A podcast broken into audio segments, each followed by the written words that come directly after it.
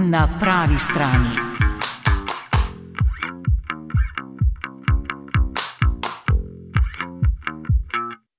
Po še eni volilni nedelji sem na pravi strani z vami Tita Majer. Z menoj v studiu pa kolumnistka časopisa Dnevnik Tanja Lesničar Pučko in novinarka medijske hiše Delo Anja Intihar. Zdravo obema, zelo, zelo sem vesela vajne družbe. Dobrodošli. Zdravo. Pozdravljeni. Ko smo se na zadnje videli, to je bilo junija pred poletjem, ko smo si zadali, da bomo budno spremljali volilno jesen. Moram priznati, da si nisem niti predstavljala, da, bom, da bomo danes imeli toliko razlogov za praznovanje in dobro voljo. Tanja. Ja, ta, ta včerajšnji referendum je bil res na nek način zelo pika na itej cel, cel, celoletni volilni euforiji, kot se reče. In seveda je dobro, da se je končal tako, kot se je, predvsem je pa dobro, da dejansko ljudje niso odnehali, ne? niso z abstinenco v bistvu prepustili odločanja drugim. No? To se meni zdi bistveno.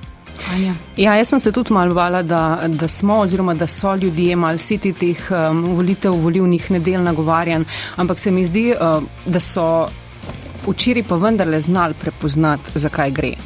Da pač se je treba postaviti in da so, da smo se vsi skupaj postavili za, za nekaj dobrega. Mhm. Čeprav je ta oddaja namenjena položaju žensk, eh, kot rečeno, ne moremo mimo včerajšnjega večera več kot 62 odstotkov glasov za javno RTV. To je velik dan za javni servis, za novinarsko avtonomijo, ne na zadnje za demokracijo. Tanja. Gotovo. Mislim, da je, mm, mislim, da je v tej vsej debati na nek način um, se poskušalo pozabiti, v čem je javni servis um, pač poseben. Za razliko od zasebnih se, se, časopisov, kot je najn.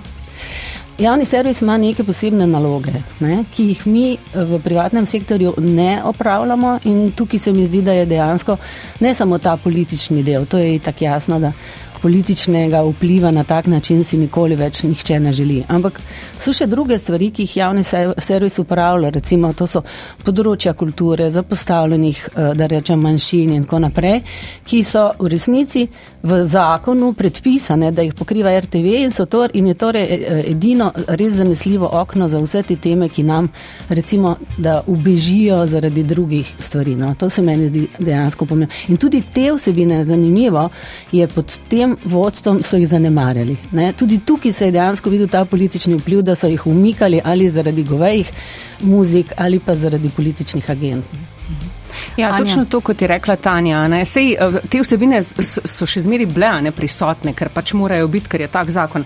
Ampak uh, se mi zdi, da je pomembno povdariti, uh, koliko so uh, padle v kvaliteti, koliko je vse hm. skupaj ne padlo v kakovosti. In, in to je tisto, se mi zdi, kar je pač pomembno tukaj izpostaviti. No? Da pač te vsebine so, morajo biti in vedno najbrž bodo. Ne? Ampak pomembna tukaj je kvaliteta teh vsebin, kvaliteta informativnega programa, kvaliteta kulturnega, športnega programa, um, tudi verskega, ne na zadnje, ne risank, konc koncev, na kar pogosto pozabljamo. Ne? Vse skupaj je pač kvaliteta, je tukaj tista, kar more um, zasledovati javni servis. Tanja, omenila si torej odaje za manjšine, vsebine za manjšine, oziroma odaje o nekih temah, ki sicer ne pridejo v spredje. Tudi to, da je ta podcast, o katerem smo danes na pravi strani prejel nagrado Watchdog 2022, eh, pomeni res, res veliko. Eh, naj povem ob tej priložnosti, da je to nagrada, ki jo seveda delim skupaj eh, s vsemi svojimi gostjami, tudi z vama, zato hvala in hvala, da ste ponovno tukaj. Eh, tema tokratne vdaje eh, pa sem si zamislila, da bi bila tudi. Eh, bom rekla, tudi en velik, velik korak, ki ga je Slovenija naredila s tem, ko je izvolila prvo predsednico države. To je, kot rečeno, velik korak v simbolnem smislu. Tanja. Ja, najprej čestitke vam za nagrado in za vse vaše oddaje, ne glede na naju. Hvala. um, ja, um, To, da smo dobili predsednico, je, je dober znak. Dober znak je ne samo v smislu enakosti, ampak dober znak je tudi zato, ker se je v tej predsedniški kampanji pokazalo, da v bistvu je dejansko premogla neizmerno obvladovanje. To je tisto, kar v političnem prostoru Slovenije dejansko najbolj pogrešamo. Da bi človek, ki je tudi izzvan, ki je napadan, ki se ga dobi na tankem ledu, na, da ne rečem že na ledu, ki poka, ohrani neko racionalno strukturo in odgovarja na vprašanja, oziroma se brani z argumenti, pa če tudi, seveda, vsi ne držijo, z neko dostojnostjo. Ne? Res je, da je imela na drugi strani pač uh, v bistvu sogovornika, ki je bil podoben, ne? mislim, po formi je bil podoben. Ampak v resnici je ona, ki je imela vse čas pač največjo možnost za izvolitev, dirigirala to, da se da na zelo sporne teme odgovarjati brez, da rečem, primitivnih um, izpadov ali pa manipulacij. No. To se je meni zdelo nekaj, kar na nek način je odlično, da je to ženska utelesla, ker se mi zdi, da je to dejansko diskurs, ki ga ženske bolj obvladamo kot moški. Mhm. Anja, preko smo se pogovarjali pred odajo, smo se nekako strinjali v tem, da smo uh, morda vsi skupaj um, predsednico, sedanjo predsednico države, prej seveda kandidatko za predsednico, gledali skozi neke patriarhalne filtre. Lahko morda malce pokomentiraš to predvolilno dogajanje? Um, Ma ja, sej, ne vem, se, mislim, da je bilo o tem že vse v bistvu povedano. Uh, komentirali so tudi predvoljivno dogajanje, ne, v veliki večini moški. Ne, zelo redko smo slišali recimo tako opis uh, kampanje, kakršen ga je zdaj podala Tanja. Um, uh, da je bil diskurs, diskurs čist drugačen, ker je bila pač na, uh, nasproti Anžetu Logarju Nataša Pirc-Musara, ne ženska. Uh, sem, res je vse skupaj teklo mirno. Pa tudi, recimo, rada bi izpostavila uh, mene kot novinarko ali pa tudi kot vem, uh, predstavnico ne, družbe, je recimo um, navdušila, uh, ko ste si na koncu recimo dala roke, pa se objela. Um, oba se mi zdi, da sta se tukaj izkazala. Mogoče se je pa tudi tam že loga recimo iz tega nekaj naučil, ne? kako pristopiti k ljudem, na kakšen način jih nagovarjati. Mhm. Tanja? Mm, ja, meni se zdi, da je seveda se Anžel Logar zlahka priučil forme. Um, pač je tudi dejansko očitno po naravi človek, ki, ki mu ta forma ustreza, mhm. bolj verjetno kot kašen ravs. Ne? Tisto, kar pa je seveda mene pri njemu ekstremno motilo, je, da je vsebino pa dejansko potvarjal na polno. No? Mislim, vse, kar bi njega pač um, obremenjevalo, ne, se pravi, vse sodelovanje v Janševi vladi in tako naprej, vse to je pometal spretno pod preprogo in zato je seveda, po mojem, bila njegova kredibilnost pač zelo kilavana. In na to je Nataša Pirc-Muser ne nekno opozarjala, ampak uh, z, z eno uh, normalno govorico, a ne z argumenti. Ni bila tiho, hkrati pa tudi uh, ni bila napadalna. -huh. Recimo to, to, to mi je bilo tudi pri njej všeč, uh -huh. pri njenem nastopu. Uh -huh. uh, tudi po volitvah, če se vendarle ustavim um, malo ob tem, da uh, svet in družba okoli nas večinoma v medijih še vedno razlagajo moški, tudi po volitvah smo uh, gledali večinoma moška v mizja. Um, Tanja, kako morda ti gledaš na to? Je to odraz neke obče slovenske kulture, ki je še vedno močno upeta v tradicionalne vzorce uh, ali kaj drugega? Kako kot novinarka, kolumnistka uh, gledaš na to, na ta pojav v medijih? Um, jaz bi rekla, da pač medije vodijo moški ne?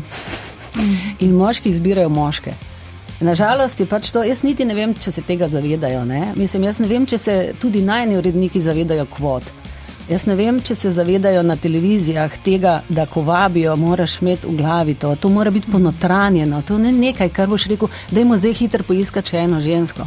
To mora biti ponotranjen princip in te, ta princip pri nas še ni ponotranjen. Pri nas se je treba v to vzgajati, da rečem. Tudi mi pri novinarskem delu, kadar iščemo izjave, se zatečeš k tistim par, za katere veš, da bodo dobro povedali in so običajno moški, ker so že vešči govorjenja ker tako nastopajo, da so dejansko hvaležni sogovorci. Ne? In tukaj je pač dejansko nek, nek plafon, je zdaj s tem prebit. Mislim, ja. Ženska predsednica je tudi v Nemčiji, recimo, ne? Merklova je naredila en tak preboj, po katerem se enostavno, verjetno več ne more pozabiti na možnost ženskih. Eh, žensk na vodilnih položajih.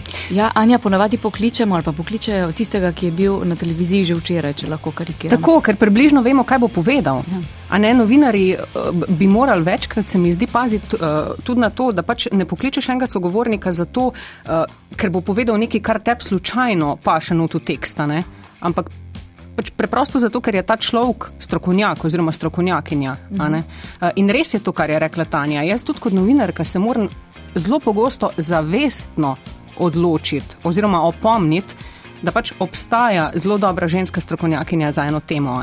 Zdaj uporabljam ženska strokovnjakinja, to je na to strokovnjakinja. tako, da, eh, da obstaja ja. strokovnjakinja za določeno temo, ne? da mi ni vedno treba poklicati moškega, ampak to je zavestno in, in to ni z danes na jutr. Ja Ko sem se pogovarjala s profesorico dr. Milico Antič Gabar, je nekako dejala, uh, da je ta pojav pomeni pravzaprav zdrz za enakost, uh, enako participacijo obeh vseh spolov v javni sferi.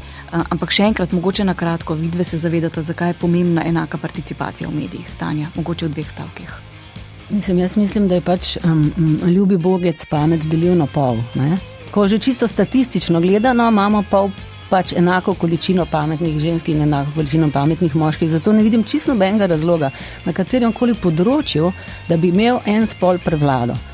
Zdaj, seveda, v družbenem smislu vidimo, da, da ženski spol prevladuje tam, kjer so dela manj plačana. Mhm kjer, so, kjer je več garanja, recimo zdravstvo je tipični tak primer. Sta, uh, s, um, da rečem, medicinske sestre so večinsko ženske, kjer je dela največ, ne? zdravniki so pa tisti, ki so jim nadrejeni. Skratka, tukaj je dejansko treba za enakost narediti na celotnem družbenem polju zelo veliko in z, z upozarjanjem, z samo, samo omejevanjem tudi in, in tako naprej. No. Vzgoja se mi zdi tukaj zelo pomembna. Ja. Težko je vzgojiti enega 40 ali pa 50 letnika, da bo, da bo videl žensko uh, še kot kaj drugega, kot sem medicinsko sestro ali pa čistilko ali pa učiteljico. Um, ja. ja, pa tudi zgledi so pomembni. Ko sem se nedavno pogovarjala z islandsko raziskovalko z islandske univerze, je dejala, da ko so izvolili tam prvo predsednico države, to je bilo v 80-ih letih, če se ne motim, in je potem na tej poziciji ostala kar nekaj let um, mislim, da dva mandata ali celo več, da so se cele generacije otrok spraševali o ponovnih volitvah o tem, ali je predsednik lahko tudi moški. Um, tako da ja, ja. je povedno v tem smislu, ne, da zgledi so, so zelo pomembni.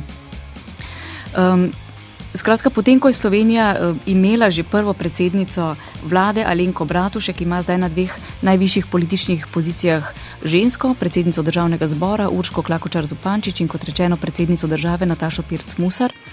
Um, dejstva pravijo, da smo v zadnjih 30 letih, uh, torej v samostojni Sloveniji, imeli le eno predsednico vlade, v državnem zboru pa trenutno sedi kar precej žensk, v vladi kar nekaj ministric.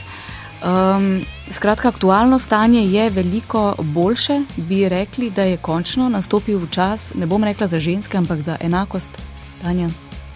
Mislim, jaz bi si tega želela, ampak ker sem že malo dlje na svetu, sem parkrat že opazila, ne, da se je trend tudi lepo kar na glavo postavil, pa je šlo spet navzdol. Tako da jaz nisem še pripričana, da je to že tako ponotranjen, um, da rečem, integralni del političnega razmisleka, ampak da imamo malo mal sreče zdaj tukaj. No upam, da bo seveda dovolj dolgo ta, ta, trajal ta trend, da, da se bo dejansko bolj učvrstil ravno na vseh teh ravneh, o katerih smo zdaj govorili.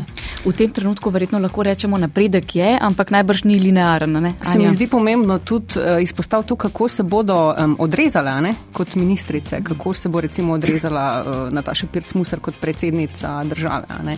Ker uh, jaz mislim, da bomo mediji in vsi ostali bodo nad njo bdeli verjetno precej bolj, kot bi nad predsednikom. Um, zelo hitro bomo uh, izpostavili katero koli njeno napako, mogoče tudi zato, ker je ženska. Ne, uh, ne bomo jih gledali skozi prste, zihar ne. In, uh, Po moje bo veliko odvisno od tega, kako se bodo izkazale. Ker tu, če ena ženska, mislim, če, če imamo ministrico, če, če govori same floskole, mislim, mhm. Kako komentirate dejstvo, da so uh, ministrice v svoje ekipe večinoma imenovale moške? Ja, to sem tudi jaz opozila. To se mi je zdelo zanimivo. Uh, ravno to je to, o čemer pravzaprav zdaj govorimo. Ali je dejansko ta izbira žensk že sama po sebi za vse, za moške in ženske, nekaj, kar je treba enostavno upeljati kot normativ, kot normalo, ali pa to mal, mal tudi to, da meni je uspelo, ne? zdaj pa ne. Mislim, a si, a si drznejo to pripisovati res samo svojim neverjetnim sposobnostim? Ali ne razumejo, da so one tudi kot kvota noter prišle? Recimo v vlado je bilo tipično, ne, da so pač iskali ženske, ker so hoteli zadovoljiti eh, eh, zahtevo javnosti po večji zastopanosti žensk. Tukaj bi se morali vendarle malo samo reflektivno obrniti navznoter in si reči, kaj pa jaz naredim za enakost žensk. Mm -hmm. no, vsak od nas je, se strinjam ja, s tem, čisto popolnoma se strinjam s tem. Je pa, ne vem, mogoče bi kakšen psiholog tudi, tudi malo drugače pogledal, recimo, mogoče se zaradi tega počutijo tudi malo bolj varne na svojih položajih, ker imajo zaledje. Moških. Moških, moških. moških tako, mm -hmm. točno to. Mm -hmm. Ampak to bi bilo vprašanje za kakšnega psihologa. E, ampak zanimivo je tudi to samo dejstvo, da se v odajah pogovarjamo o tem kot nekem e, strašnem družbenem fenomenu, da imamo končno žensko predsednico države in nekaj več žensk na visokih političnih pozicijah, če pogledamo v tujino. E, Jaz sem malce pregledala, kakšna je participacija žensk druge v Evropski uniji. Je le 8 držav izmed 27 članic tistih, ki jih vodi ženska. To je malo. Malo, ja. Se pravi, da smo vendarle zdaj končno nekje na dobri strani. Uh mhm. -huh. Ja. Uh, Če pa pogledamo predsednice vlad, predsednice države Evropske unije, recimo pa zelo izstopa to, da jih kar precej prihaja iz teh, bom rekla, desnih političnih polov. Če pogledamo v Italijo, ne, predsednica vlade Giorgia Meloni. Pri njej je seveda marsikaj paradoksalnega. Kako, recimo, če lahko malce pokomentirate to, Anja? Jaz, jaz čisto iskreno povem, da nje ne razumem. Uh, mati samo hranilka, uh, nobenih feminističnih težanj nima, recimo. Um, Ne bori, oziroma ne, ne nastopa javno uh, le zelo v korist žensk, oziroma šipkejših. Um, res, jaz nje res ne razumem. Ja, zagovarja izrazito tradicionalne, Tako. da ne rečem patriarhalne vrednote. Tanja. Ja, jaz mislim, da je ona pač zelo tipična mlada predstavnica desnice. Ne? In mlade predstavnice desnice si mislijo, da, da žensko vprašanje ni več aktualno, zaradi tega, ker je njim uspelo. Ravno, ravno to, kar sem prej rekla. Meni je uspelo, se pravi, da je feminizem v Italiji na, na zavidljivi ravni. Ne? Po drugi strani pa kot predstavnica desnice, da ne rečem najbolj radikalne desnice, pa seveda mora zagovarjati tradicionalno družino, ne glede na to, da seveda vsi vemo, da ona osebno absolutno ne pristaja na te uh, zahteve. Ne? Ona je, mislim, mislim, ona je proti splavu, hkrati pa ne vemo, kako je mislim, z njo osebno, ampak ona absolutno ve, kaj splav pomeni. Skratka, tle je enostavno neka hipokrizija politična na delu, ker je pač znotraj stranke nekih stvari ni pametno reči. Tu je pač preračunljivost političarke, ki je vedela, da v tem moškem uh, gnezdu, kamor se je zdaj podala, absolutno ne more ziniti ničesar, kar bi odneslo. In jaz seveda mislim, da jo bo odneslo, pa še ne ve kaj, ona še sama ne ve, česa naj ne reče, da jo bodo odnesli. Uh -huh. Eh, če pogledamo Angelo Merkel, se pravi nekdanjo nemško kanclerko, ki je bila izvoljena že leta 2005, eh, lahko rečemo, da je ona spremenila eh, diskurs ne samo v politiki, ampak tudi način dojemanja tega, da je neka ženska figura v politiki, če pustimo ob strani to, kakšna figura je kot ženska dejansko bila, o tem so mediji veliko, veliko pisali. Ampak kljub vsemu v Nemčiji, eh, Tanja, recimo se danes ne sprašujejo več o tem, o kvotah, o, o, o participaciji žensk, da bi to bilo neko veliko vprašanje, politično vprašanje. Tam je to nekaj samoumevnega. Ja, mislim, Nemčija je zelo dejansko napredna država v smislu enakosti in je dejansko že, že blizu skandinavskim državam. Ne, ne čisto povsod, ker jug Nemčije je vseeno bolj tradicionalen, ampak uh, ja. Mislim, Angela Merkel je imela neko posebno pozicijo tudi zato, ker je bila hkrati izhodne, bivše vzhodne Nemčije. Ne? In je imela na nek način tudi malo drugačen pogled. Mislim, vseeno je treba priznati, da vzhodna Evropa je imela enakost žensk, vsaj um, pač na papirju upisano. Tako da ona je v bistvu prihajala z neke, z neke kulture, ki je bila v tem smislu naprednejša in je v resnici njena, njena kandidatura bila bolj samoumevna, kot če bi ena zahodna Nemka v tistem času skušala kandidirati ali pa bi kandidirala, ne vem, kakšne šanse bi imela. To, to je zanimiva situacija ne, te njene prejšnje zgodovine in tudi to, da je imela dejansko drugačen pogled na Nemčijo, na to združeno Nemčijo, kot so imeli zahodni Nemci. Ona je vendarle boljš razumela vse te tenzije med vzhodno in zahodno Nemčijo in jih je tudi dejansko kar dobro eh, ublažila. Ne. Ona je bila povezovalni element, ki ena vzhodna, eh, zahodna Nemka, če bi bila izvoljena, ne bi zmogla, po mojem.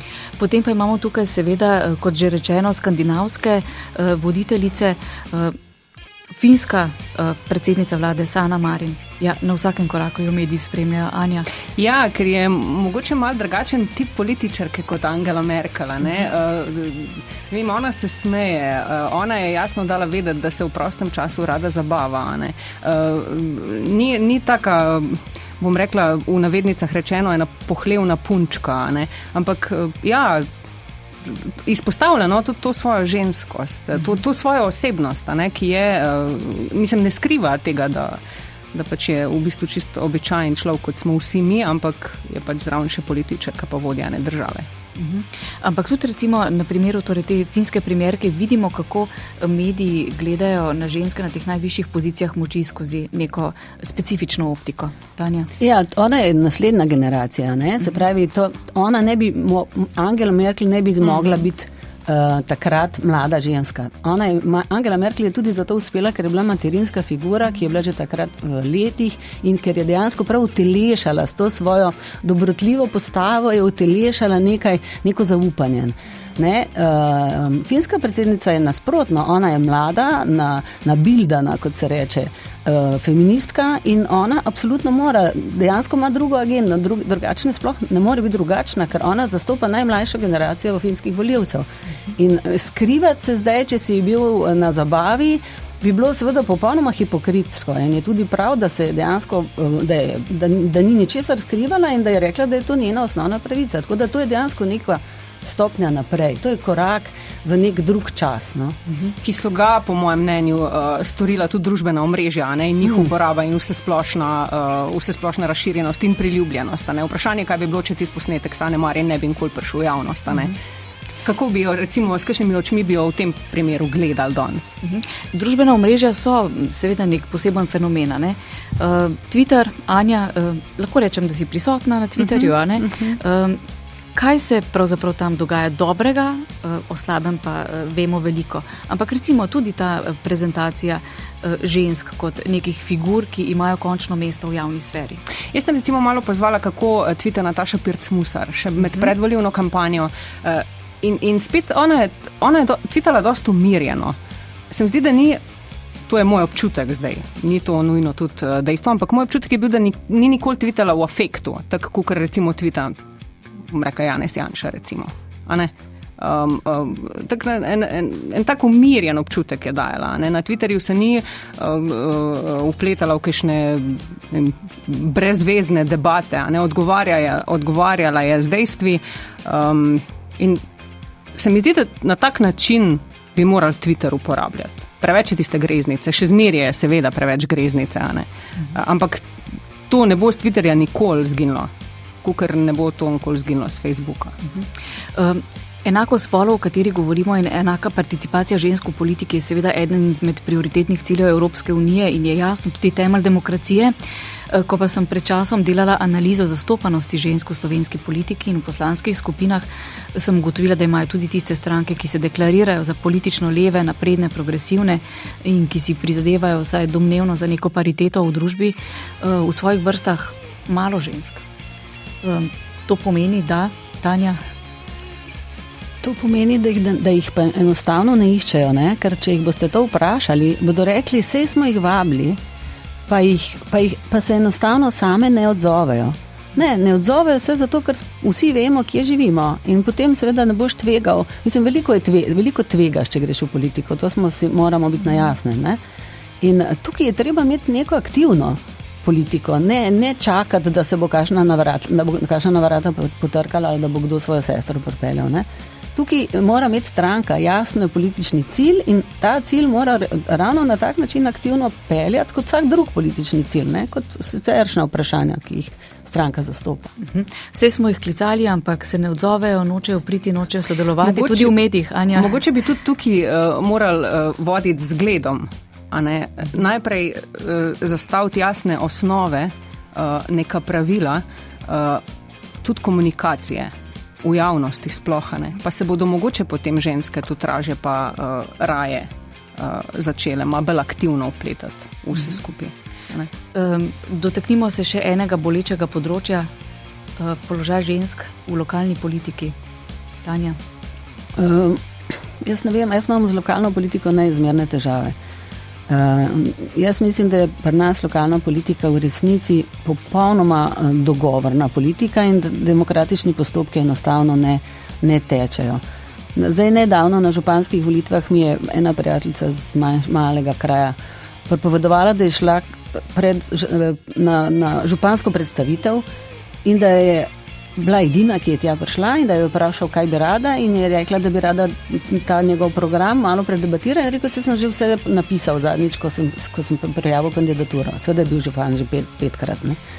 Skratka, uh, lokalna raven je dejansko problem, zaradi, še, še posebej zaradi te, te velike količine majhnih občin, kjer gre dejansko po familiarni poti in po tej neki inerciji, logiki, da nekdo, ki je že najboljše naprej, ker kaj se bomo zdaj ukvarjali z nekom drugim. Da, tukaj je vprašanje žensk, seveda, zakaj žensk ni? Ravno zato, ker so župani po štiri mandate in so pač že v tistem času, kjer dejansko so ženske teže vstopale, uh, niso prišle noter. Ne? Uh, mislim, da je res lokalna politika bi bila potrebna res ene resne um, presoje no? in enega resnega premisleka, kako to urediti, da se eni in isti ljudje ne vrtijo neskončno. Pa že, ko se recimo na lokalnem nivoju kot občanka vprašam, a smo pripravljeni uh, za županjo? Ja. S, te, s tem sem si v bistvu sama sebi vse odgovorila. Mhm. Ko se že sprašujemo ja, o tem, sprašujem ali, ja. se, ja. ne, ali je ta kandidatka za županjo dobra nasproti kandidatu za župana. Ne, jaz sem se vprašala, recimo, ali smo že pripravljeni za županjo. In mislim, da pač smo, so se v dostih občinah to vprašali in to je verjetno srč problema. Mhm. Skratka, lokalna scena, če lahko tako po domače rečem, eh, ima pred seboj še veliko, veliko izzivov, ampak vendarle, ali lahko zaključimo eh, ta, najpo, ta naš pogovor z optimizmom, mislim, da v tem trenutku danes ga vendarle imamo. Eh, Anja. Ne bom rekla, danes ga imamo, danes so dovoljene sanje ja. in tako naprej. Ja, Na lokalnem nivoju nisem čist prepričana. Po moje bodo potrebna še leta, da se bodo stvari uredile. Na državnem nivoju smo po, po moje že zelo blizu. Tanja. No, ne vem, jaz sem vedno za en tak previdni optimizem, zaradi tega, ker sem že toliko krat videla, kako se je obrnilo. Ali pa kako smo na neki stavli, pa je šlo vse na koncu v franže. Tako da jaz sem vedno, um, jaz sem v bistvu skeptik, no, da rečem, ampak tako profesionalni skeptik, zato da ne bi doživela, doživela prehudih um, razočaranj. Sej novinarke že po tej profesionalni eh, plati, kot si omenila Tanja, moramo biti ja. skeptične ja. in nenehno gledati oblasti pod prste, ne glede na to, katere barve vsakokrat zastopa. In spola. In spola. Tako. Uh, Anja Intihar, Tanja Lesničar Pučko, najlepša hvala, da ste si vzeli čas in ponovno prišli v naš radijski studio in seveda hvala za tole uh, zanimivo debato. Hvala za povabilo. Hvala.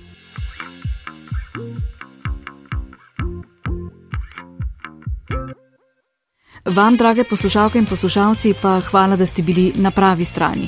Tokrat za mešalno mizo Janez Ahlin, pred mikrofonom Tita Majer.